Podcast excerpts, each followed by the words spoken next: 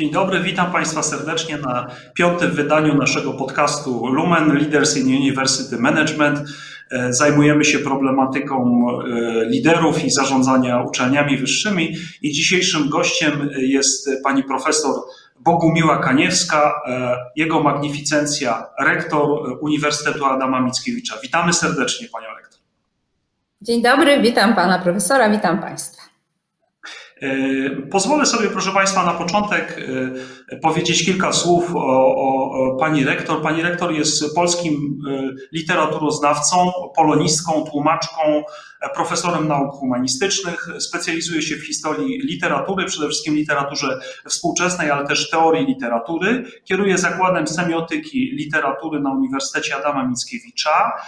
No i przechodziła tą swoją drogę menedżerską, akademicką w, w uczelni, od dziekana Wydziału Filologii Polskiej, E, przez prorektora do spraw studenckich, a od 1 września 2020 roku jest rektorem e, tegoż uniwersytetu.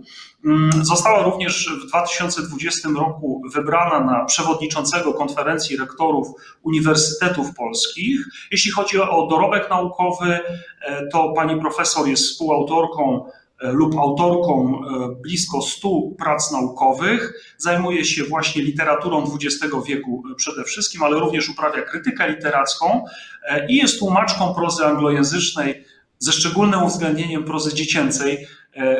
Z tego co wiem, to jest hobby pani rektor również. I z tym humanistycznym wykształceniem i doświadczeniem jest właściwie związane moje pierwsze pytanie. W jaki sposób E, literaturoznawczyni, humanistka e, znajduje się w tym e, świecie zarządzania, gdzie no właściwie przy wdrażaniu ustawy 2.0 mieliśmy do czynienia z pewnym oporem przynajmniej części środowiska humanistów, że no, to jest reforma bardzo skupiona na scjentometrii, że to są zmiany, które będą bardzo trudne z punktu widzenia humanistów. I właściwie tutaj zderzenie takiego właśnie zaplecza związanego z, z humanistyką z jednej strony, a z drugiej strony z doświadczeniami po prostu kobiet, jeśli chodzi o, o zarządzanie. Tak się złożyło, że w obecnej kadencji rektorów uczelni publicznych aż trzy uniwersytety kompletne mają kobiety rektorów. W poprzedniej kadencji nie było żadnej kobiety rektora, także widzimy postęp. Ja prowadziłem takie badania dwa lata temu z zespołem z Uniwersytetu Jagiellońskiego, opublikowaliśmy mm, badania, które wskazywały na niską partycypację generalnie kobiet w zarządzaniu w uczelniach wyższych i taką odwrotną korelację. Im wyższe stanowisko i większy prestiż uczelni, e, tym mniejszy udział kobiet, no ale on sukcesywnie rośnie i, i, i właściwie to jest optymistyczna konstatacja, bo i w radach uczelni jest większa reprezentacja kobiet i w obecnych wyborach w uczelniach publicznych również. E, I właściwie w tym pierwszym pytaniu chciałem zapytać o takie doświadczenia, właśnie z jednej strony humanisty, z drugiej strony kobiety w twardym świecie ekonomii i zarządzania uczelniami publicznymi.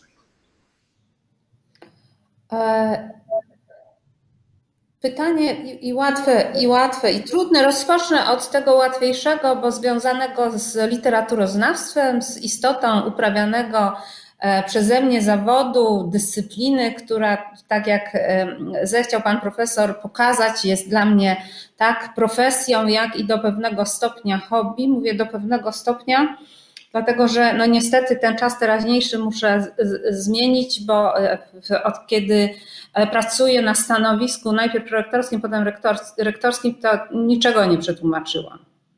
Niczego. Ani, ani, ani jednego kawałka tekstu. Niestety, najzwyczajniej w świecie to, to jest hobby, które wymaga, czy praca, która wymaga dodatkowego e, skupienia i dosyć, dosyć sporego mm, nakładu czasu. Czasu nawet jeśli spędza się go przyjemnie. E, czy humaniści, literaturoznawcy mogą i powinni zarządzać uniwersytetami?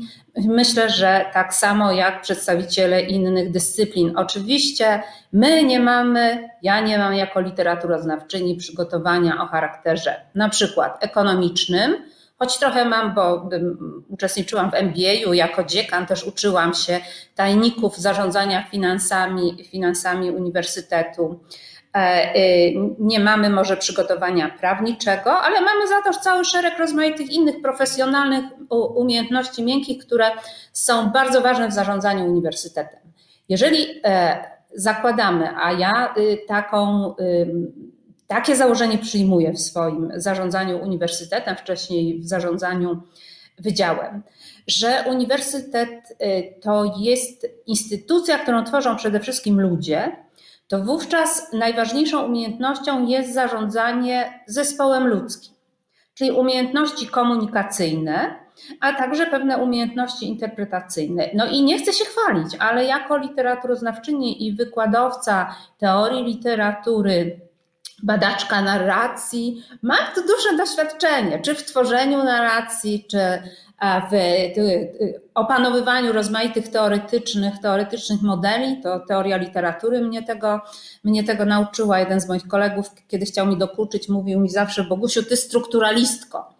E, I to oznaczało, że jestem takim e, trochę wybrakowanym, wybrakowaną humanistką, taką za, za bardzo może matematycznie czy modelowo, e, modelowo myślącą.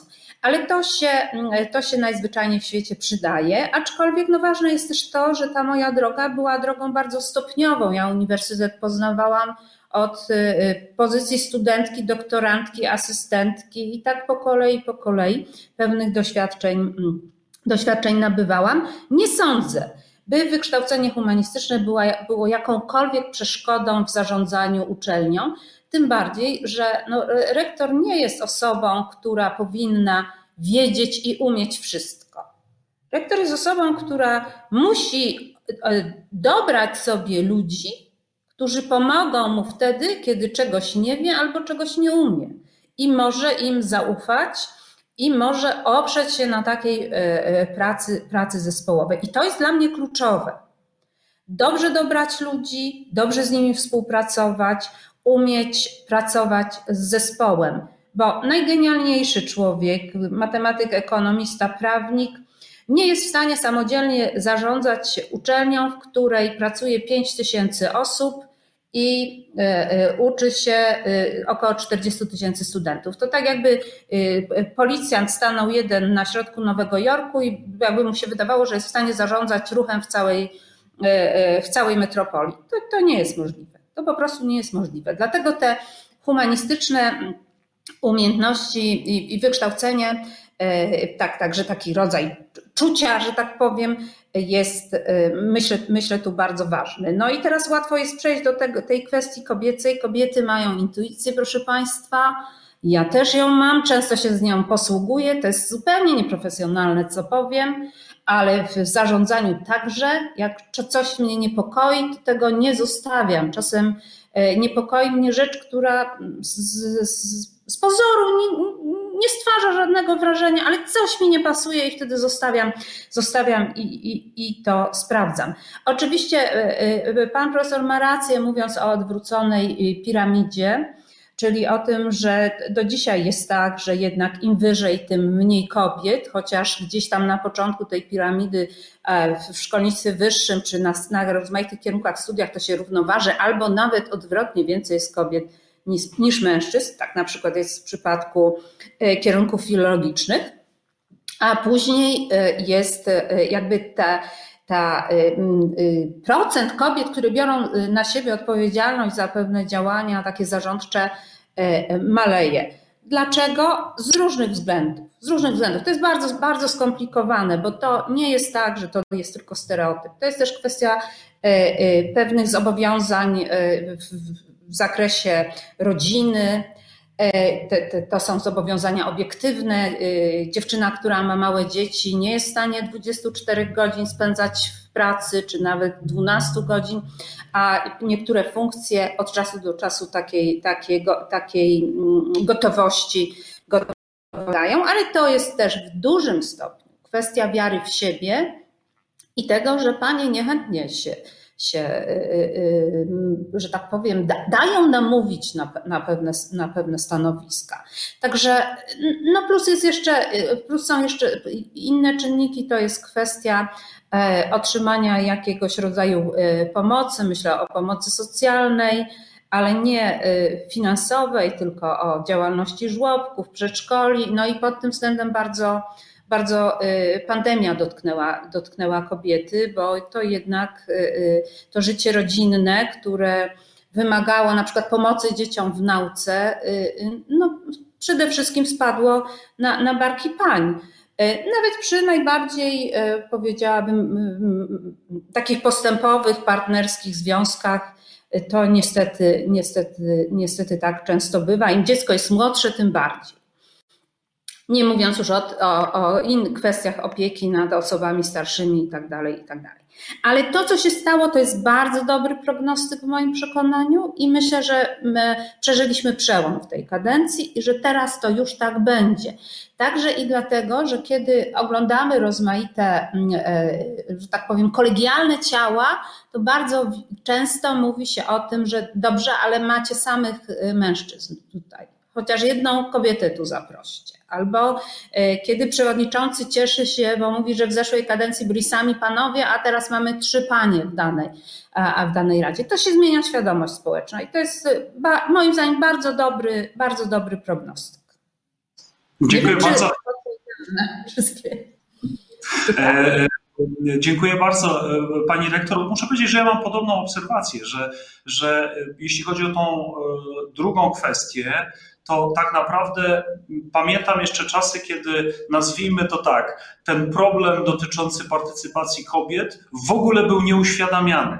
W ogóle był nieuświadamiany. Po prostu w jakiś sposób racjonalizowany tym, że no, wybierane są osoby i to jest mechanizm doboru osób najlepszych prawda? Potem pojawiła się taka kwestia, druga trajektoria, która, która w tych naszych badaniach też się ujawniła, że to zaczął być pro, problem formułowany y, trochę implicitem że gdzieś tam się pojawiał w głowach ludzi, natomiast jeszcze nikt głośno o tym nie mówił, że e, no e, właśnie należałoby tak, tak zrobić, żeby partycypacja w odpowiednich gremiach e, władzy była po prostu większa, a teraz on już się pojawia eksplicitnie.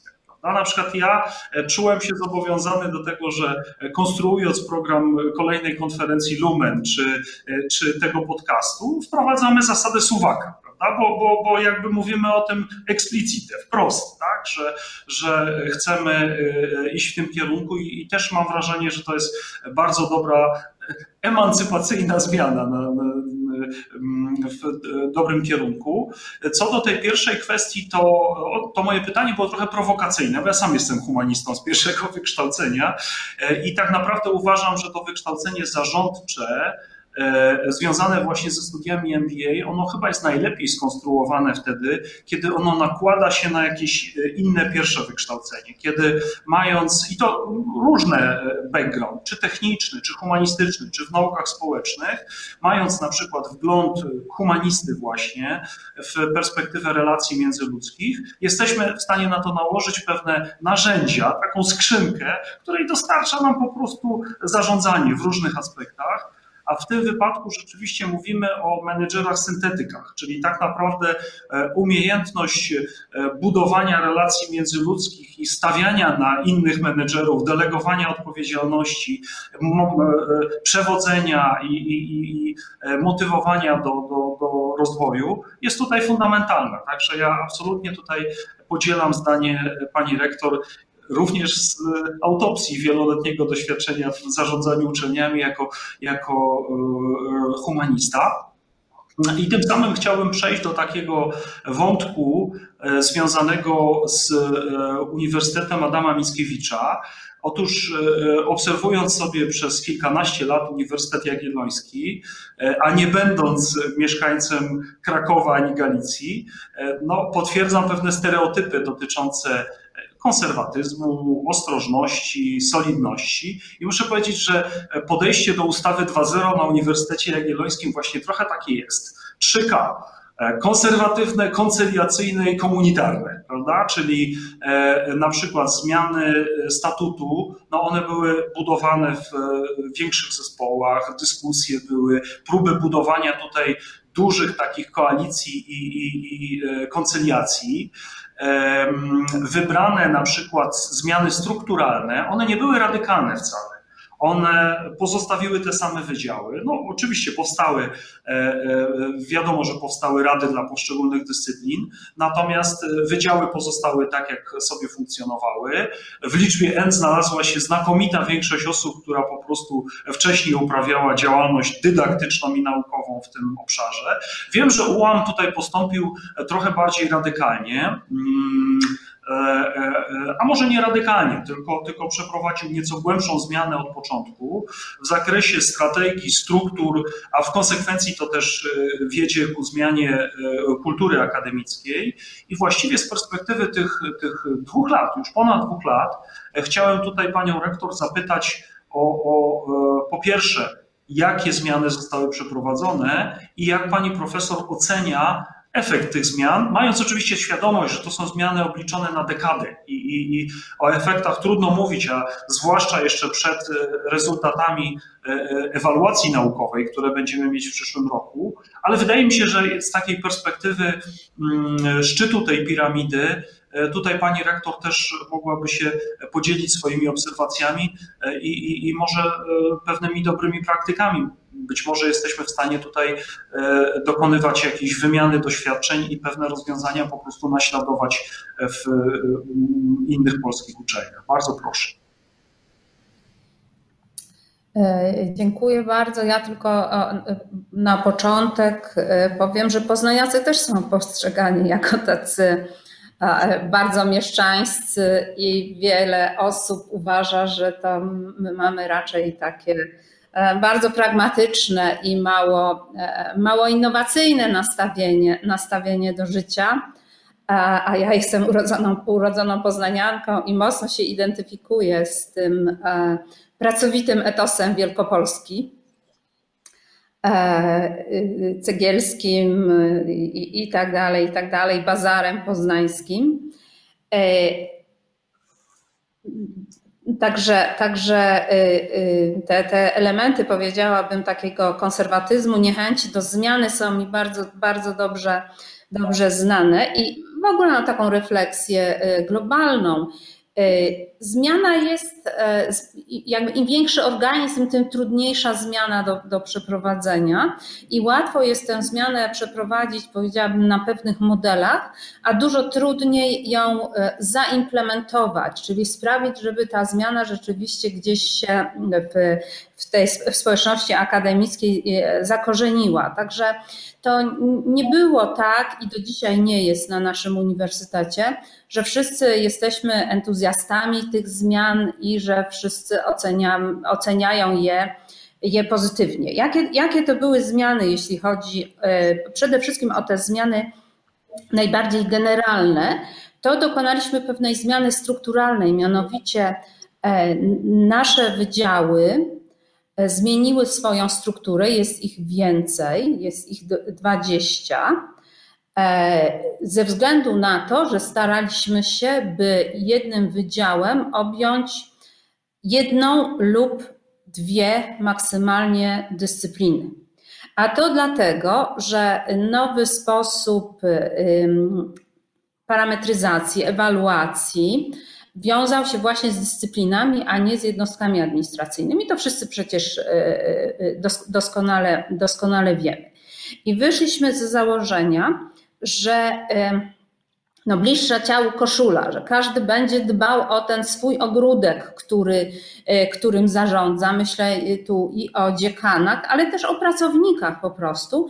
I że e, skuteczność taka naukowa będzie większa wtedy, kiedy te granice będą finansowo-naukowe będą, będą wyraźniejsze, ale równocześnie nie chcieliśmy dopuścić do tego, żeby uniwersytet się tak mocno rozdrobnił, żeby nie było takich, powiedziałabym, miejsc integrujących i dlatego wydziały zostały zgrupowane, to nieładne słowo, ale żadne ładniejsze nie przychodzi mi w tej chwili do głowy, w ramach tak zwanych szkół dziedzinowych, czyli my mamy taką strukturę, że mamy szkołę dziedzinową, powiedzmy jest to dziedzina nauki, nauk ścisłych, która gromadzi Wydział Chemii, Wydział Fizyki i Matematyki i Informatyki. I na czele tych szkół stanęli prorektorzy. To z kolei rozwiązanie miało na celu skrócenie drogi do tych y, y, ostatecznych decyzji, decyzji rektorskich, tak żeby, żeby każdy prorektor jak gdyby obejmował swoją uwagą określoną, określoną, określoną grupę, grupę wydziałów. Wydziałów, dodajmy, połączonych, że tak brzydko powiem, z podobnymi interesami i też podobnym sposobem działania.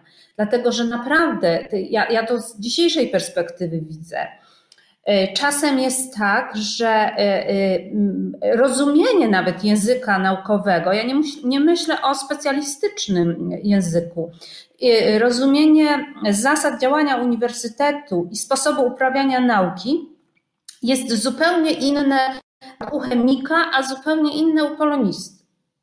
I co innego tu jest ważne, inne rzeczy, inne rzeczy się liczą, i dlatego chodziło też o to, żeby w ramach tych szkół dziedzinowych ułatwić i komunikację między pokrewnymi wydziałami, i ułatwić zarządzanie, bo niektóre decyzje po prostu muszą być różne w zależności od tego, jaką dziedzinę czy jaką dyscyplinę, dyscyplinę nauki uprawiamy.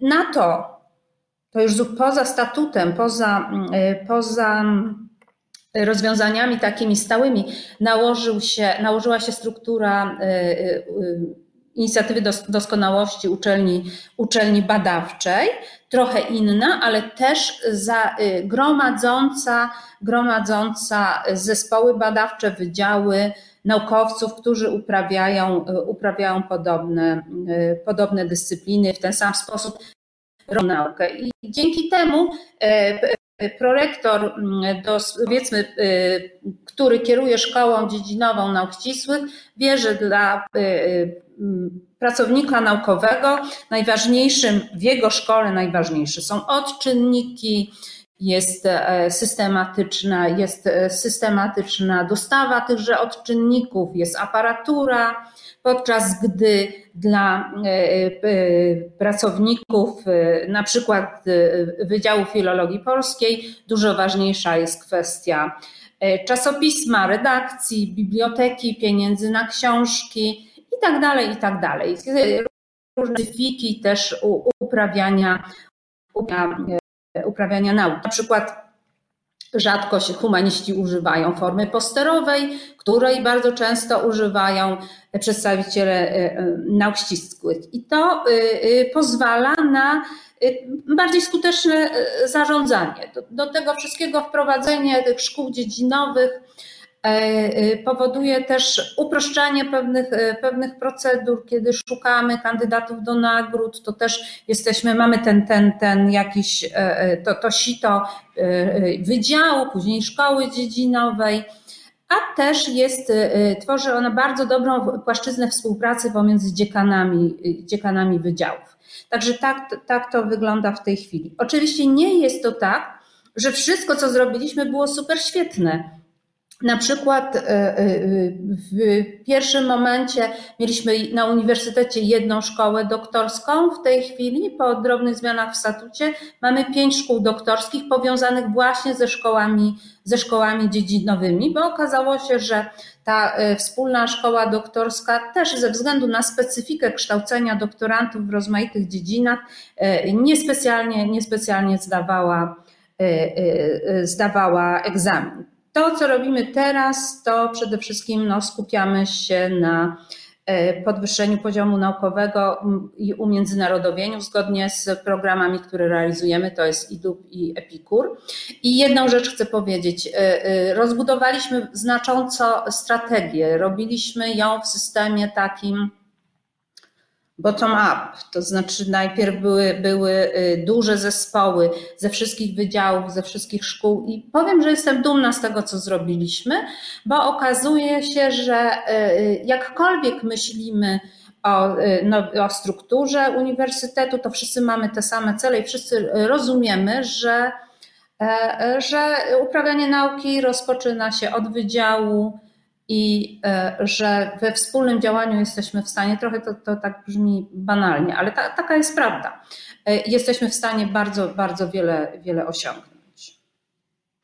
E, e, dziękuję no, bardzo. Chciałam powiedzieć o Radzie Uczelni, bo, bo Rada Uczelni, która, wobec której ja podchodziłam z bardzo dużym, dużym dystansem, kiedy ten projekt się pojawił, okazuje się bardzo y, takim ciekawym ciałem doradczym, e, które pokazuje nam na co dzień, na co dzień zupełnie inną perspektywę. Jak myśmy się tam z nimi wspierali o tę naszą strategię, jak sobie wzajemnie tłumaczyliśmy, e, e, czym się różni ten e, ujęcie biznesowe od uniwersyteckiego i myślę, że wszyscy na tym korzystamy.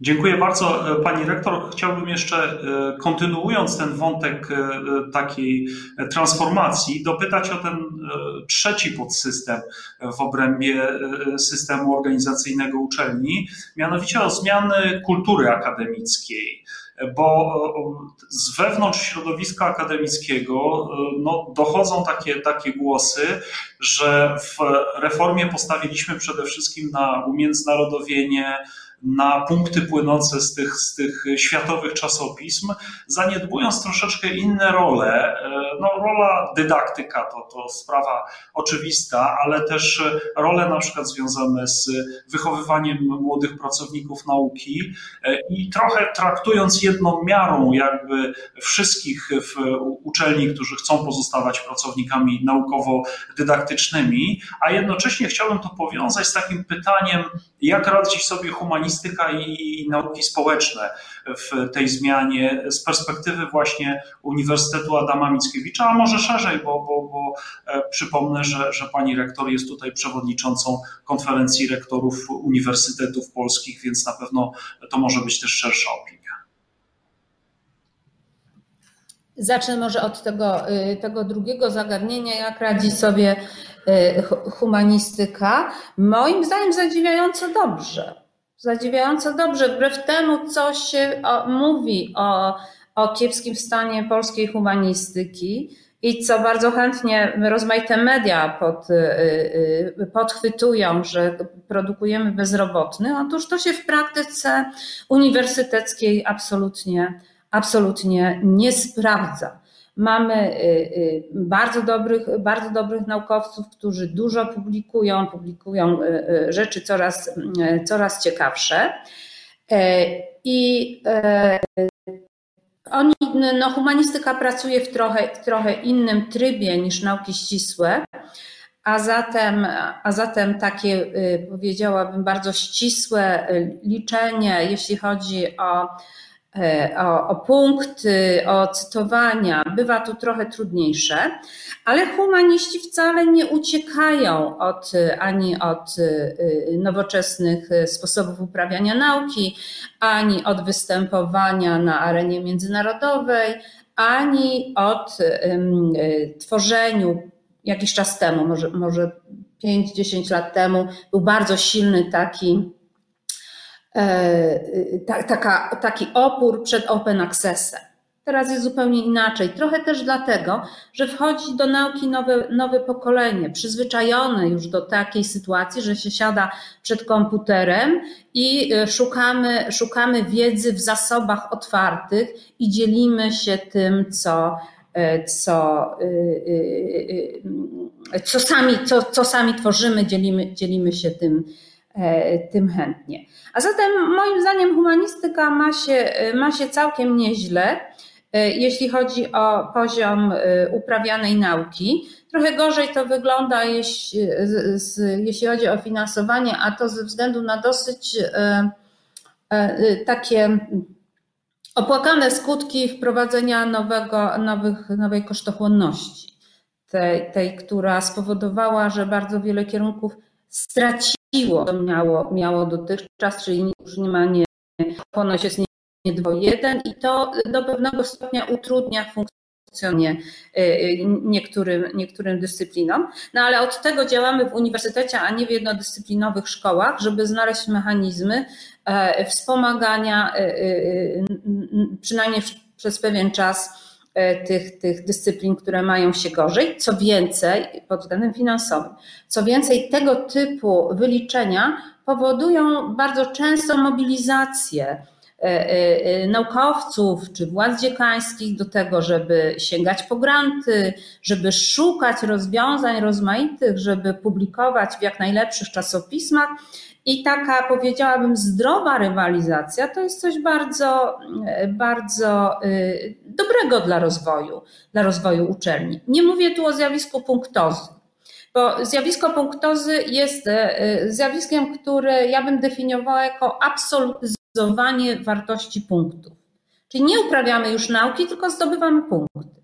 No to nie, to, to do tego stopnia to, to, to mm, na pewno nie powinniśmy, nie powinniśmy się y, posunąć. Ale w momencie, kiedy tworzymy tekst i zastanawiamy się, czy lepiej go umieścić tu, gdzieś y, blisko i łatwo, czy podjąć trud i wyniki naszych badań, czy nasze refleksje E, przetłumaczyć na język angielski i udostępnić w międzynarodowym obiegu, no to ta druga droga jest zdecydowanie lepsza.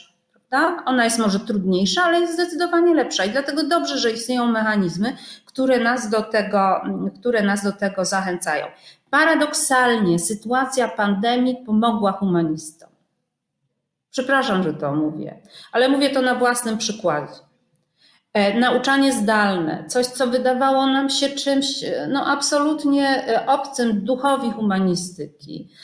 Korzystanie przy, w tym nauczaniu zdalnym z rozmaitych zdobyczy, takich jak podcasty pana profesora Sułkowskiego, uczestnictwo w webinariach, to nagle się okazało bardzo, bardzo dobrze dostępne.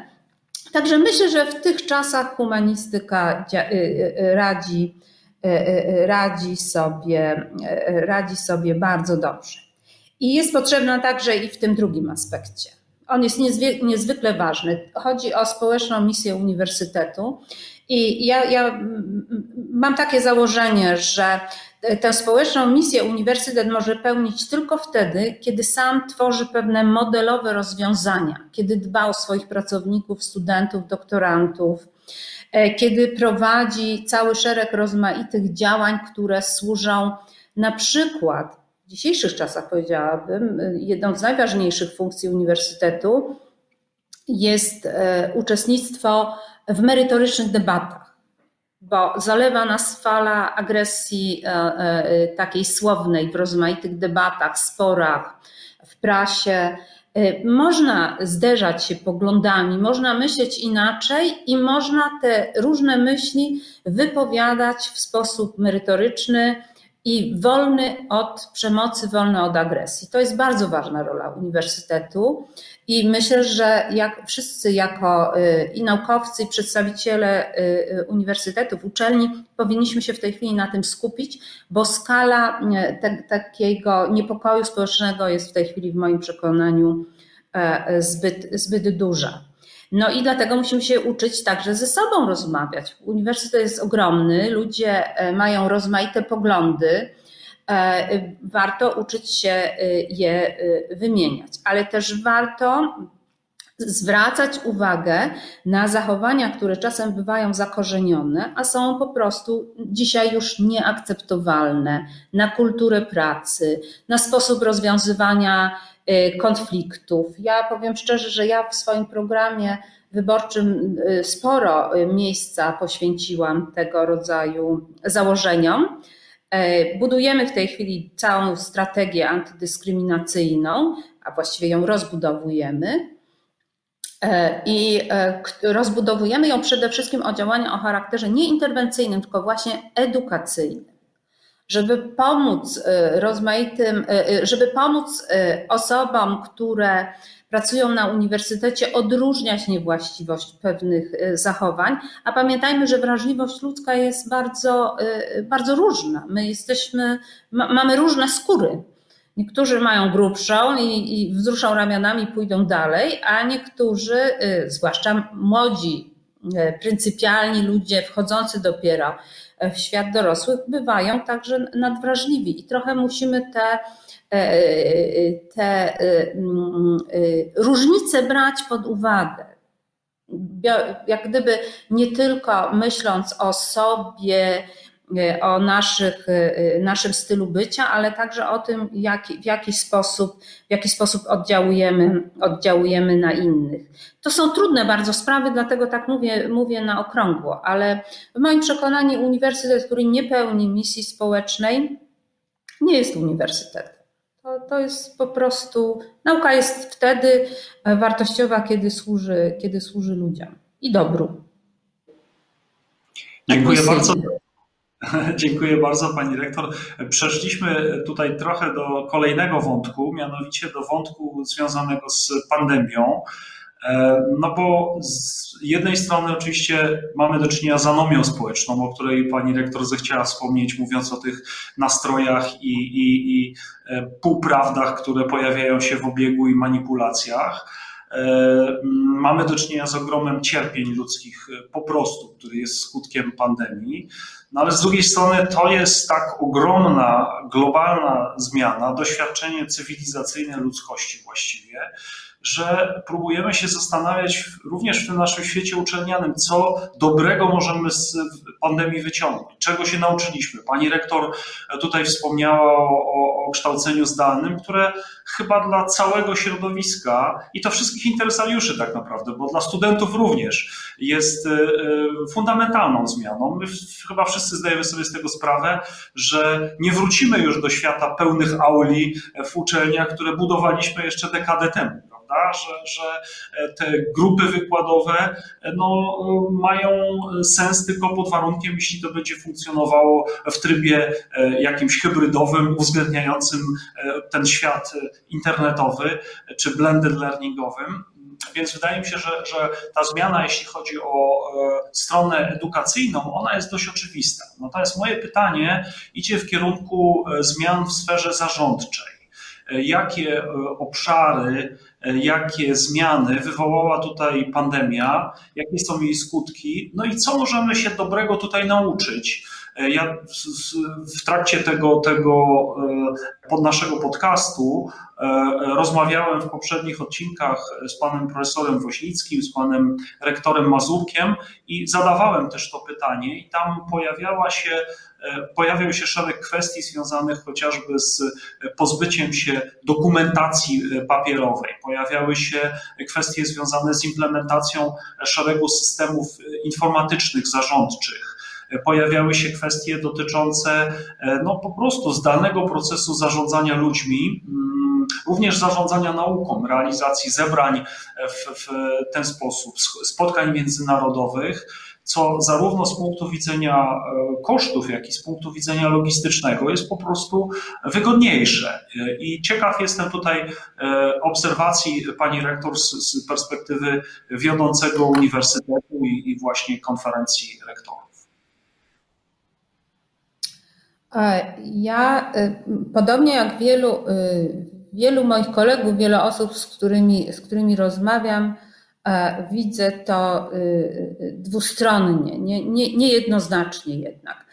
E, ma Pan profesor rację, że pandemia bardzo y, usprawniła nasze umiejętności w zakresie kształcenia zdalnego, pokazała jego możliwości, e, pokazała rozmaite innowacyjne rozwiązania, to znaczy pokazała, trochę nas zmusiła do zastosowania rozmaitych innowacyjnych E, innowacyjnych e, e, rozwiązań i pokazała też, że nie taki diabeł straszny tym, którzy się, którzy się tego naprawdę obawiali, a obawy były ogromne.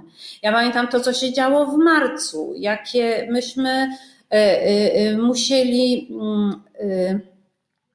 podejmować rozmaite działania, żeby z jednej strony przekonać y, y, dydaktyków, którzy nigdy nie korzystali z nauczania zdalnego, z kształcenia zdalnego, z drugiej strony studentów, jak to będzie wyglądało. Pamiętam, że, że w drugiej połowie marca, ja byłam wtedy prorektorką do spraw studenckich, nagrałam cały, cały taki program 100 pytań do. Przez tydzień zbieraliśmy pytania dotyczące wszystkiego, jak co będzie wyglądało. Tak duży był niepokój w momencie, kiedy przechodziliśmy na to nauczanie zdalne.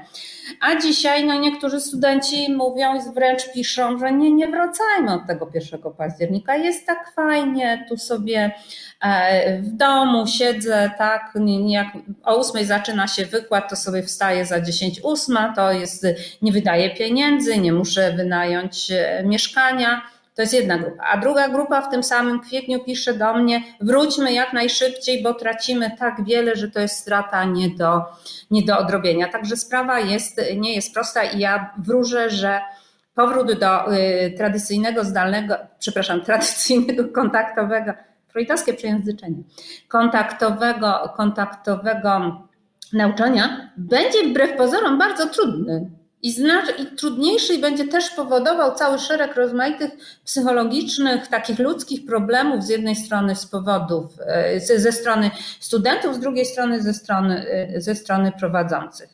E, I oczywiście, jeśli chodzi o tą kształceniowy zysk, to on jest, jest bardzo duży, podwójny.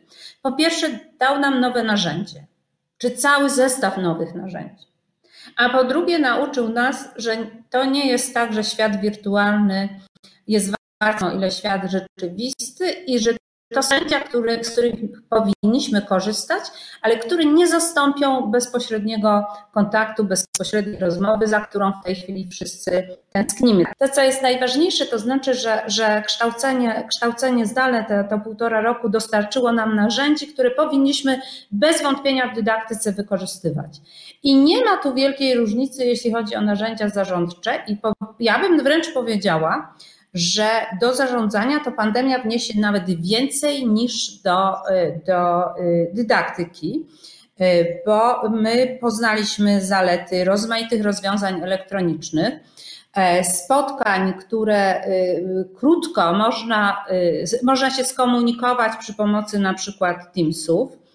E, widzimy, że home office nie jest koniecznie rozwiązaniem ostatecznym, tylko w wielu przypadkach po prostu i zwyczajnie korzystnym. I my na naszym uniwersytecie zamierzamy y, stworzyć cały, cały system wykorzystania tych narzędzi, tych narzędzi y, zdalnych do tego, żeby usprawnić zarządzanie. Oczywiście przesyłanie dokumentów przez system elektroniczny, to już działa, do tego się już przyzwyczailiśmy. To też był taki moment, kiedy musieliśmy oswoić coś, przeciwko, y, y, przeciwko czemu wiele osób się buntowało. Okazało się, że jest to y, absolutnie, absolutnie możliwe.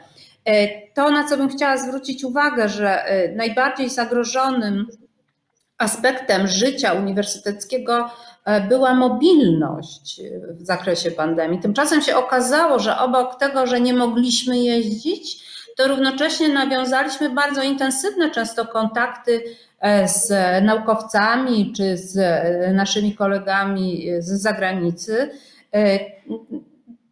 Często się zdarzało tak, że ktoś z zagranicy na przykład uczestniczył w zajęciach E, rozmawiał ze studentami, łączyliśmy się z ekspertami międzynarodowymi.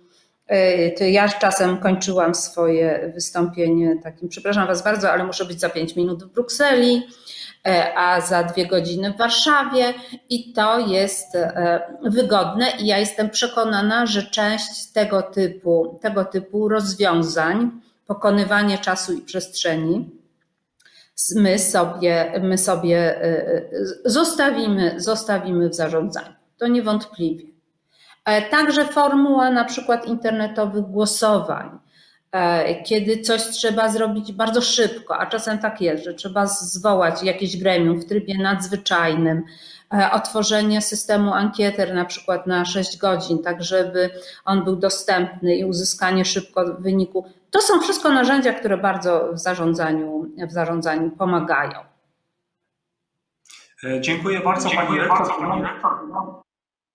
Ostatnie pytanie. E, ono e, tak naprawdę to jest pytanie, jak to się robi, Pani Rektor?